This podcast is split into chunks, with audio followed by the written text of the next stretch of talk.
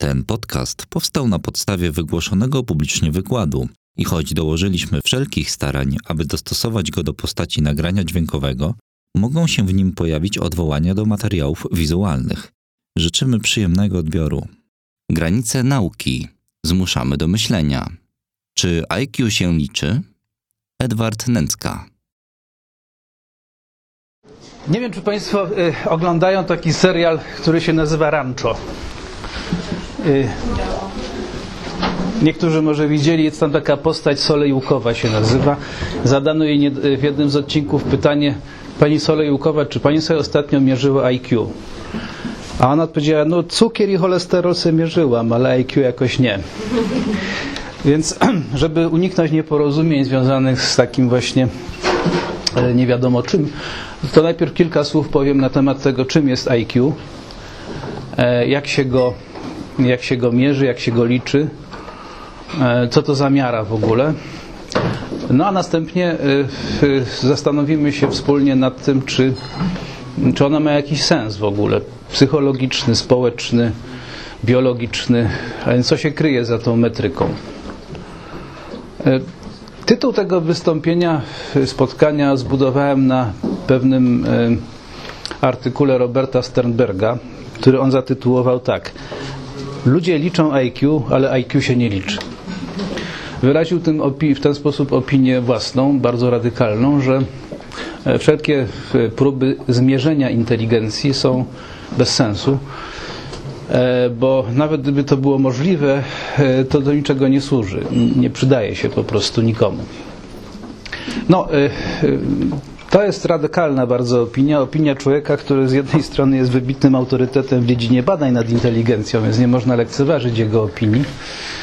Ale też, co podkreśla w swojej autobiografii, mm, jest to człowiek skrzywdzony przez testy. No i jako człowiek skrzywdzony przez testy może ma prawo deprecjonować je i deprecjonować to, co one niby mierzą. Ale co to jest właściwie to IQ? Otóż jakieś mniej więcej 110, 120 lat temu mm, zaczęto próbować mierzyć różne właściwości psychiczne człowieka. To były początki psychologii naukowej. Mm, przedstawiciele innych dyscyplin od dawna już różne rzeczy mierzyli.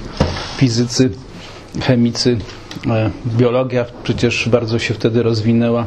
Nauki społeczne, jak jak socjologia czy psychologia, były w powijakach, ale szybko zdały sobie sprawę z tego, że bez pomiaru nie będą w stanie e, funkcjonować jako nauki.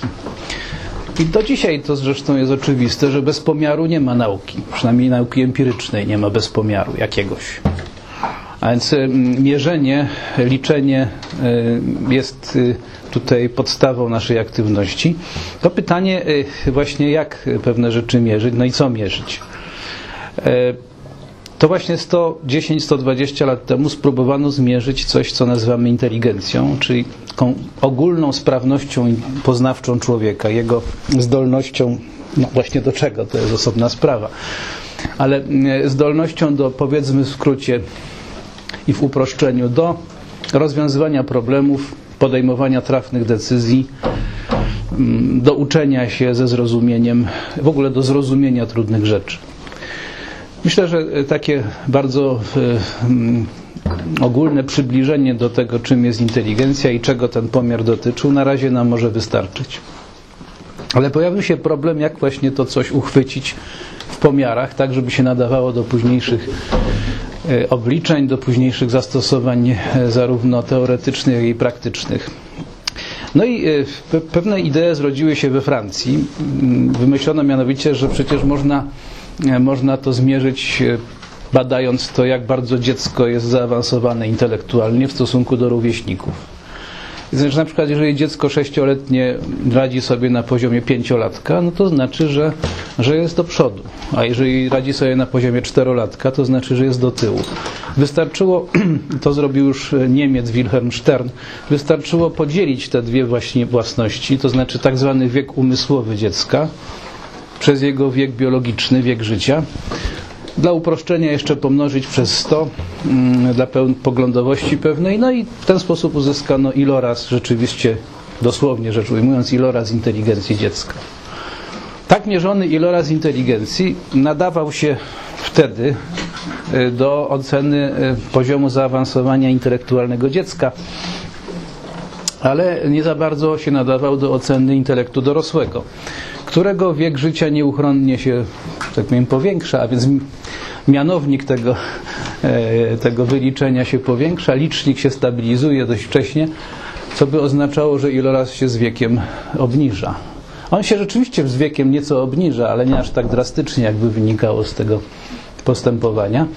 E, W związku z czym, jeśli chodzi o dorosłych, trzeba było inaczej sobie poradzić. No i poradzono sobie w ten sposób, że no, różne testy wydolności intelektualnej wymagające myślenia, e, trudne testy matematyczne na przykład, czy logiczne, mm, e, że ich wyniki w społeczeństwie uśredniano i tą średnią przeliczano na umowne 100 punktów.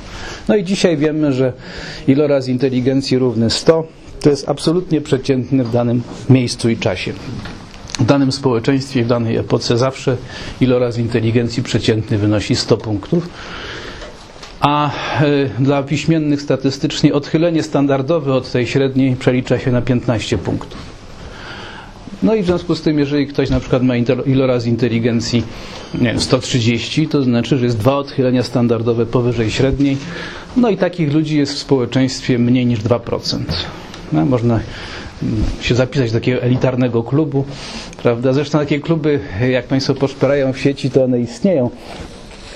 Mm, e, e, e, Jeden z najbardziej, jedna z najbardziej takich interesujących nazw, tak mnie urzekła bardzo, to jest to jest klub trzech dziewiątek. To oznacza, że człowiek jest na poziomie 99,9% e, czyli jest lepszy niż 99,9% populacji. Tak? Można sobie w ten sposób poprawić samopoczucie. No oczywiście to samo, to samo dotyczy dołu. Tak? Odchylenie standardowe od średniej w dół oznacza pewien rodzaj e, niedo, e, niedorozwoju intelektualnego. Dzisiaj się mówi niepełnosprawności umysłowej. No i e, w związku z tymi właśnie próbami Bineta we Francji, Szterna w Niemczech, e, psychologia dość wcześnie po- poradziła sobie z problemem pomiaru inteligencji. I właściwie e, wszystko, co później się stało, to były tylko nowe, lepsze wersje testów, chociaż trzeba od razu powiedzieć, że, że one, te nowe generacje testów w dużej mierze opierały się na tym, co te 100 lat temu wymyślono. To znaczy niewiele tutaj e, nowości można było, rzeczywistych nowości zauważyć. Natomiast pytanie, które się tutaj ciśnie na usta, myślę Państwu, to jest takie, czego ta metryka dotyczy? No jeden z takich najbardziej wytartych sloganów, które my sprzedajemy studentom na pierwszym roku, głosi, że inteligencja to jest to, co mierzą testy inteligencji. No i z jednej strony jest to oczywiście jest to oczywiście jakaś ucieczka od, od, od, od problemu, ucieczka od zadania polegającego na tym, że trzeba porządnie zdefiniować przedmiot pomiaru, a następnie zacząć go dopiero mierzyć.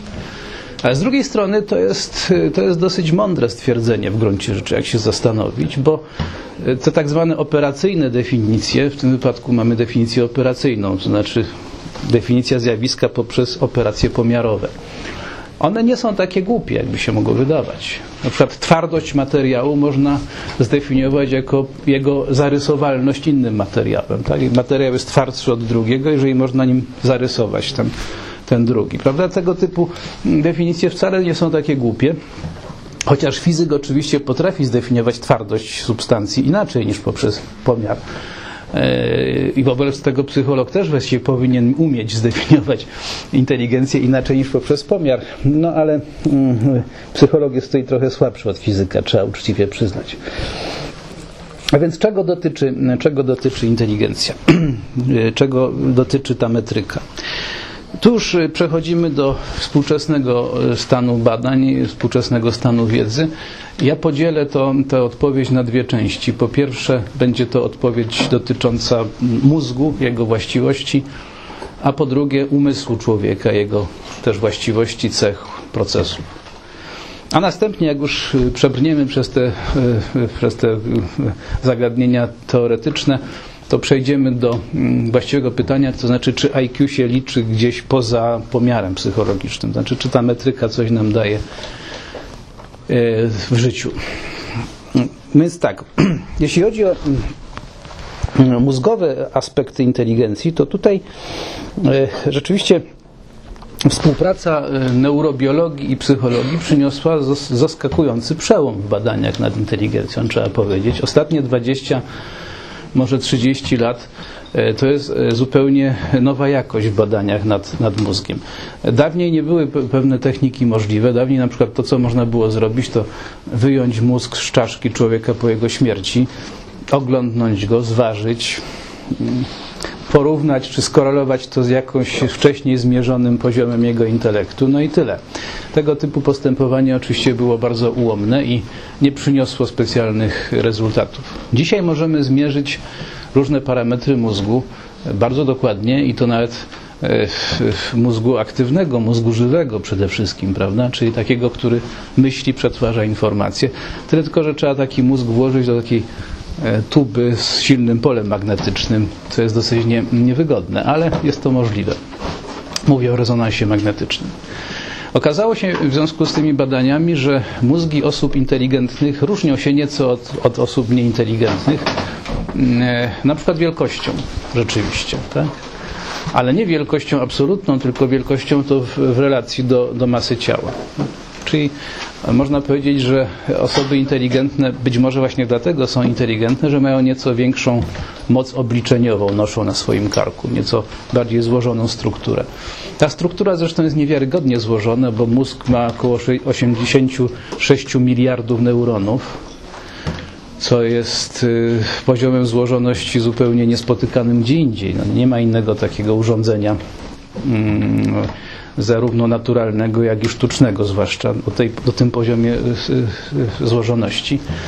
W związku z czym można powiedzieć tak, że no, średnio to jest 86 miliardów neuronów, komórek nerwowych, ale to jest średnio, prawda?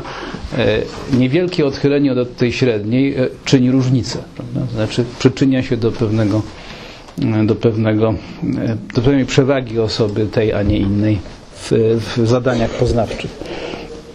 Inny jeszcze aspekt mózgowy inteligencji to jest szybkość działania mózgu. Tak?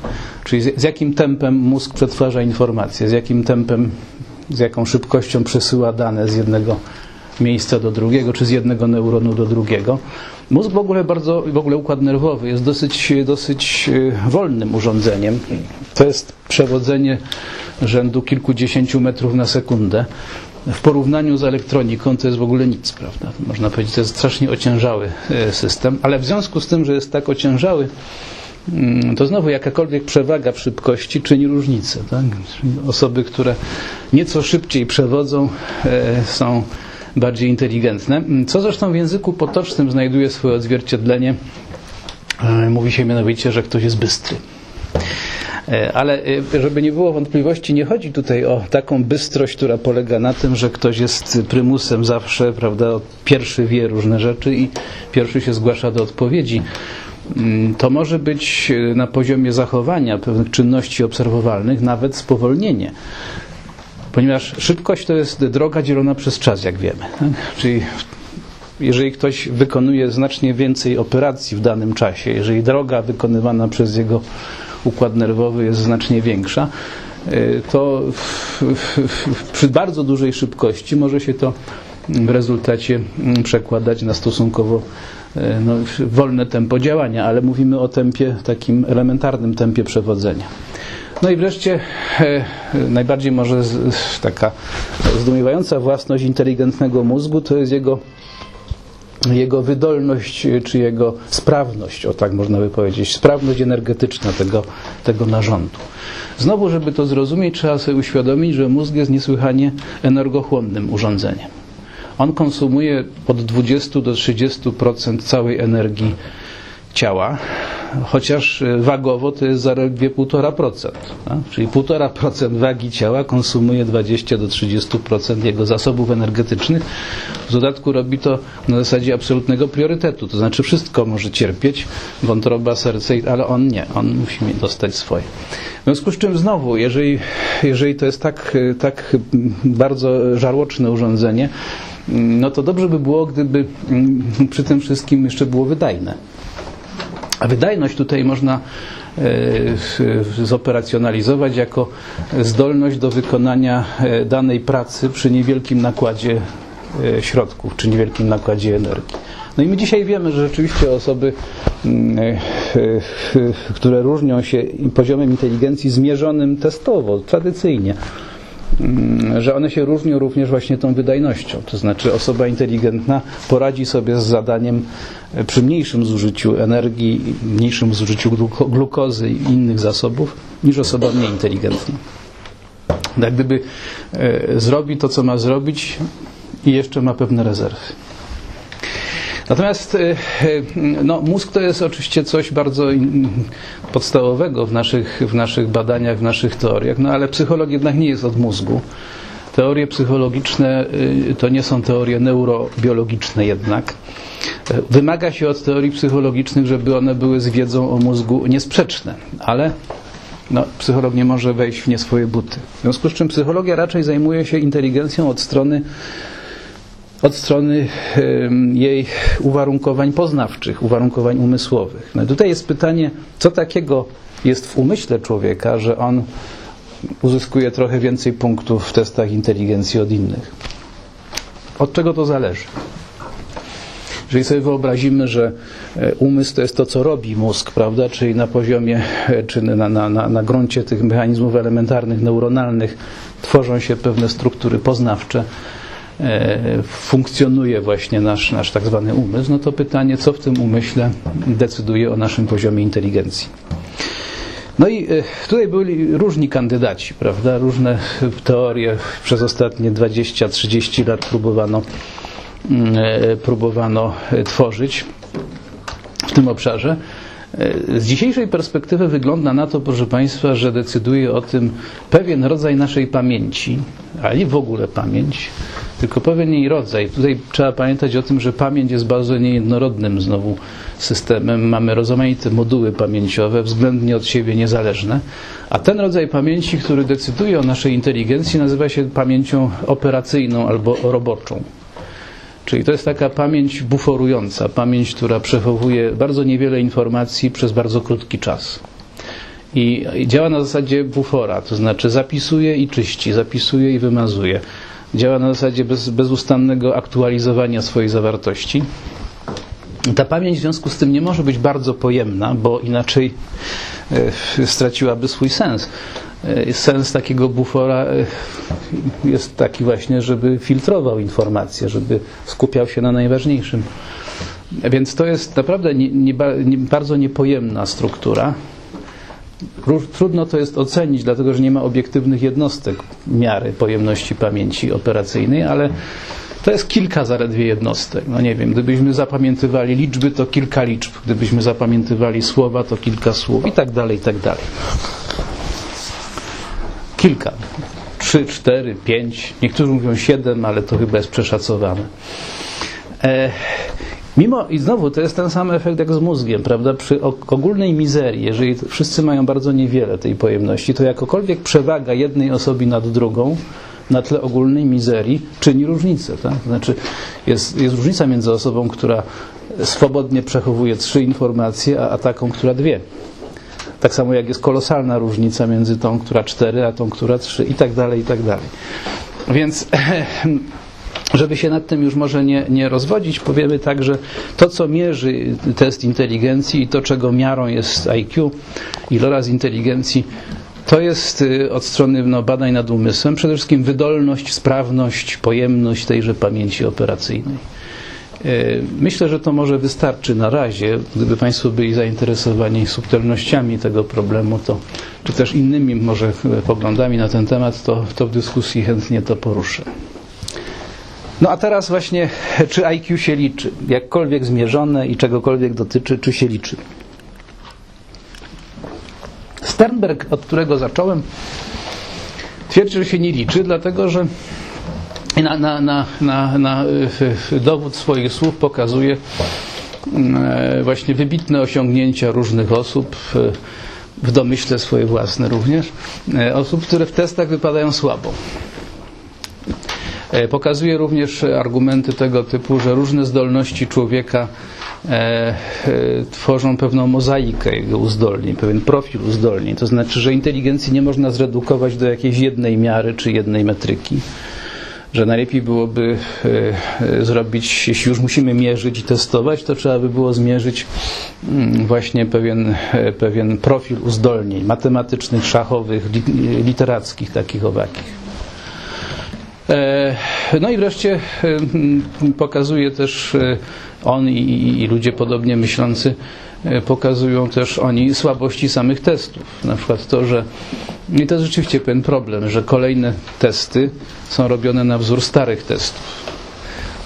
To wynika z faktu, że każdy nowy test, który wchodzi na rynek, on musi być, uzyskać tak zwaną trafność. Mm, To się oblicza pewnymi technikami. No i trafność jest najłatwiej udowodnić wtedy, kiedy ten test koreluje z innymi testami. No a koreluje wtedy, kiedy jest do nich podobny po prostu. W związku z czym bardzo trudno o zasadniczo nowe tutaj pomysły, czy zasadniczo nowe rozwiązania. Natomiast e, ci, którzy się nie zgadzają z poglądem, że IQ się nie liczy, e, używają również swoich argumentów. Mm, Jakich? No, po pierwsze, oni pokazują, że, że wszystkie zdolności człowieka są powiązane jednak. Znaczy, one nie są izolowane aż tak, jak się wydaje krytykom. E, One są powiązane, e, no, statystyk by powiedział, są skorelowane, czyli wyniki testów, e, wszelkich testów inteligencji są pozytywnie ze sobą skorelowane. E, Jak silna jest ta korelacja, to na chwilę mm, może nas nie powinno interesować, ale to, że istnieje i że jest pozytywna, jest faktem znaczącym.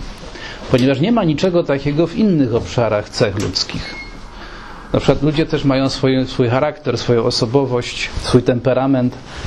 I tam nie ma czegoś takiego, że jedna cecha charakteru koreluje z innymi cechami charakteru. Nie ma czegoś takiego jak ogólny wskaźnik osobowości człowieka. Ludzie są różni po prostu i, i niektórzy są lękowi, inni są stabilni emocjonalnie, jedni są ekstrawertyczni, inni introwertyczni. To raczej nie jest powiązane ze sobą.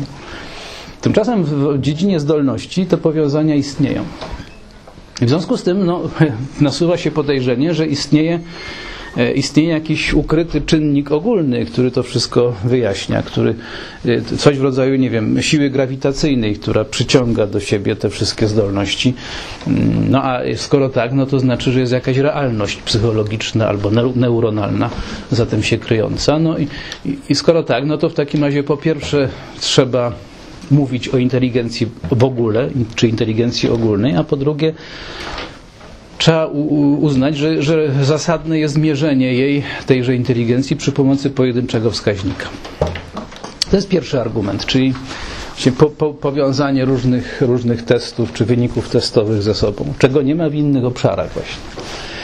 E, Drugi argument jest taki, że spośród różnych y, pojedynczych predyktorów, tak to się nazywa, czyli czynników, na podstawie których możemy przewidzieć różne rzeczy, na przykład powodzenie w studiach, w pracy, w życiu, e, spośród różnych pojedynczych predyktorów y, tego rodzaju, y, iloraz inteligencji jest predyktorem najsilniejszym.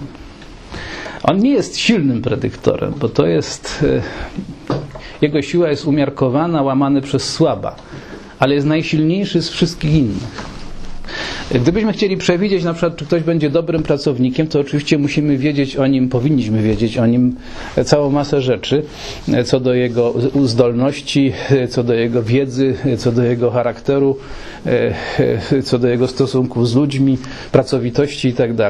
Łącznie ta wiedza daje nam spory potencjał przewidywania, ale pojedyncze wskaźniki tego typu niewiele nam mówią zazwyczaj, a z tych pojedynczych IQ nam mówi najwięcej.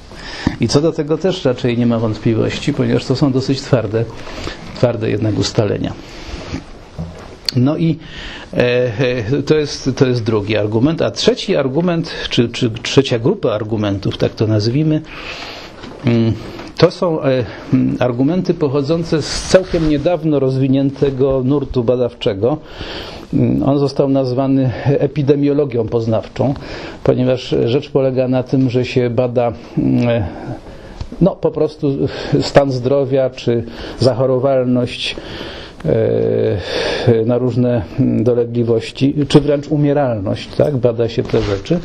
A więc takie właśnie e, wskaźniki medyczne, czy związane ze zdrowiem publicznym i odnosi się to do zdolności intelektualnych. No pytanie jest następujące. Czy osoby inteligentne na przykład mniej chorują od bardziej, od, y, od, czy, czy odwrotnie, czy bardziej inteligentne mniej chorują, czy, czy, czy, czy w ogóle jest tu jakiś związek, czy może nie ma żadnego, a może jest odwrotny niż ten, który nam się nasuwa. Więc ta epidemiologia poznawcza to jest próba odpowiedzi na pytanie, czy można przewidzieć zachorowalność albo śmiertelność na podstawie wiedzy o tym, jak człowiek myśli albo jak sprawnie przetwarza informacje.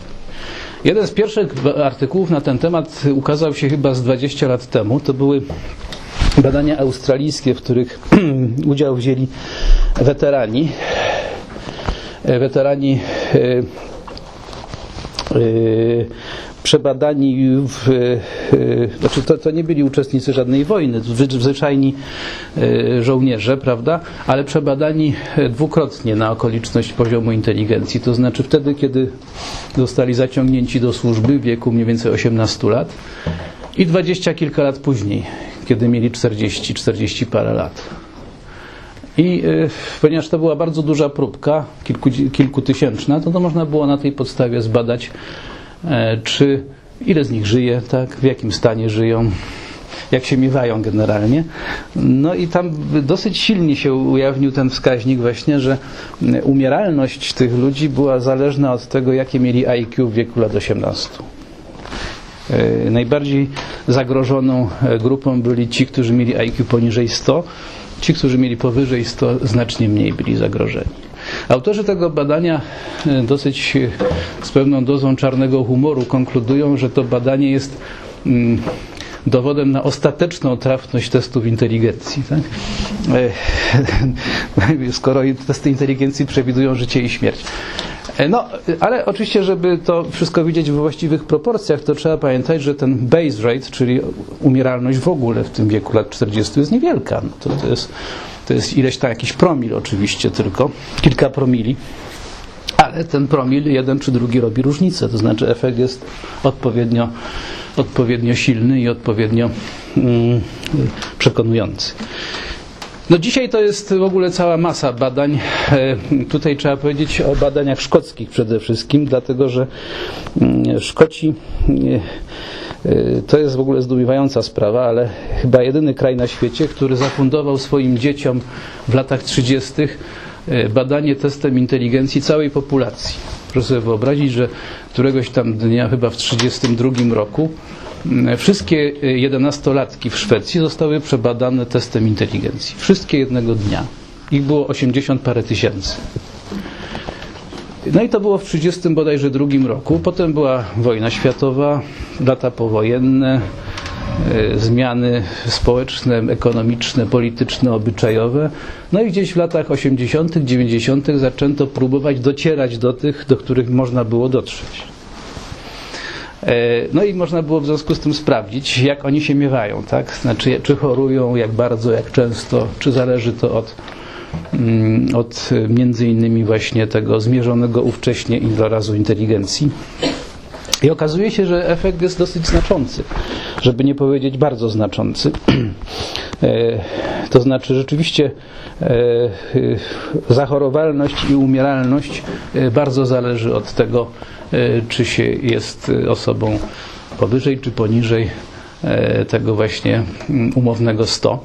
E, Żeby nie było wątpliwości, no, bo od razu się tutaj mogą pojawić zarzuty tego typu, że e, może decyduje o tym nie inteligencja, tylko na przykład, nie wiem, poziom dochodów albo poziom wykształcenia. E, No, pewnie decyduje oczywiście poziom wykształcenia i poziom dochodów, bo człowiek wykształcony więcej wie o swoim zdrowiu, jak o niego dbać, więcej wie o zagrożeniach i jak ich unikać. Człowiek wykształcony też pewnie wykonuje nieco inną pracę niż niewykształcony, gdzie jest mniej narażony na wypadki i tak dalej, i tak dalej. To jest cała masa czynników. Podobnie bogactwo, tak? Bogactwo też jest buforem chroniącym człowieka przed przynajmniej skutkami chorób, a niekiedy przed samymi chorobami. Bo na przykład związane jest z innym odżywianiem, z innym trybem życia i tak Oczywiście, że to wszystko jest powiązane i, i, i, i trudno oddzielić te czynniki tak naprawdę, ale jest to możliwe, to znaczy można wyzerować inne czynniki różnymi metodami i zobaczyć, e, który z nich jest rzeczywistym sprawcą. I według dzisiejszej wiedzy rzeczywistym sprawcą jest IQ. E, no, żeby być precyzyjnym, to co IQ mierzy, czyli ta właśnie realność psychologiczna zwana inteligencją, e, a nie miara sama, rzecz jasna. Jednym słowem, proszę Państwa, no, no trudno jest zaprzeczyć w świetle dzisiejszej wiedzy, a to są badania naprawdę świeże, sprzed, sprzed zaledwie kilku lat, niektóre na, na bieżąco publikowane. No trudno zaprzeczyć, że IQ się nie liczy.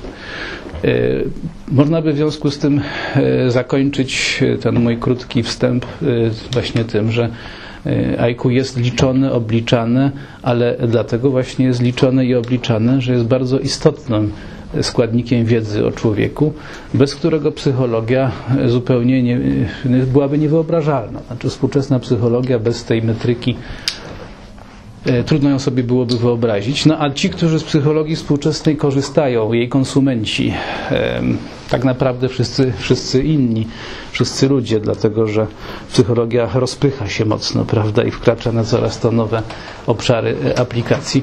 W związku z czym właściwie wszyscy, można powiedzieć, korzystamy z tej wiedzy, chociaż nie wszyscy mamy do niej dostęp i nie wszyscy potrafimy może zdać sobie sprawę z, z konsekwencji tych, tych, tych badań. Ale no może takie spotkanie jak to pozwolą może właśnie ten stan rzeczy nieco zmienić. Ja myślę, że na tym skończę swoje wystąpienie, bo pewnie jest mnóstwo tutaj pytań czy krytyki. Jestem gotów przyjąć na klatę każdą krytykę, zwłaszcza taką, która nie będzie dotyczyła moich własnych badań.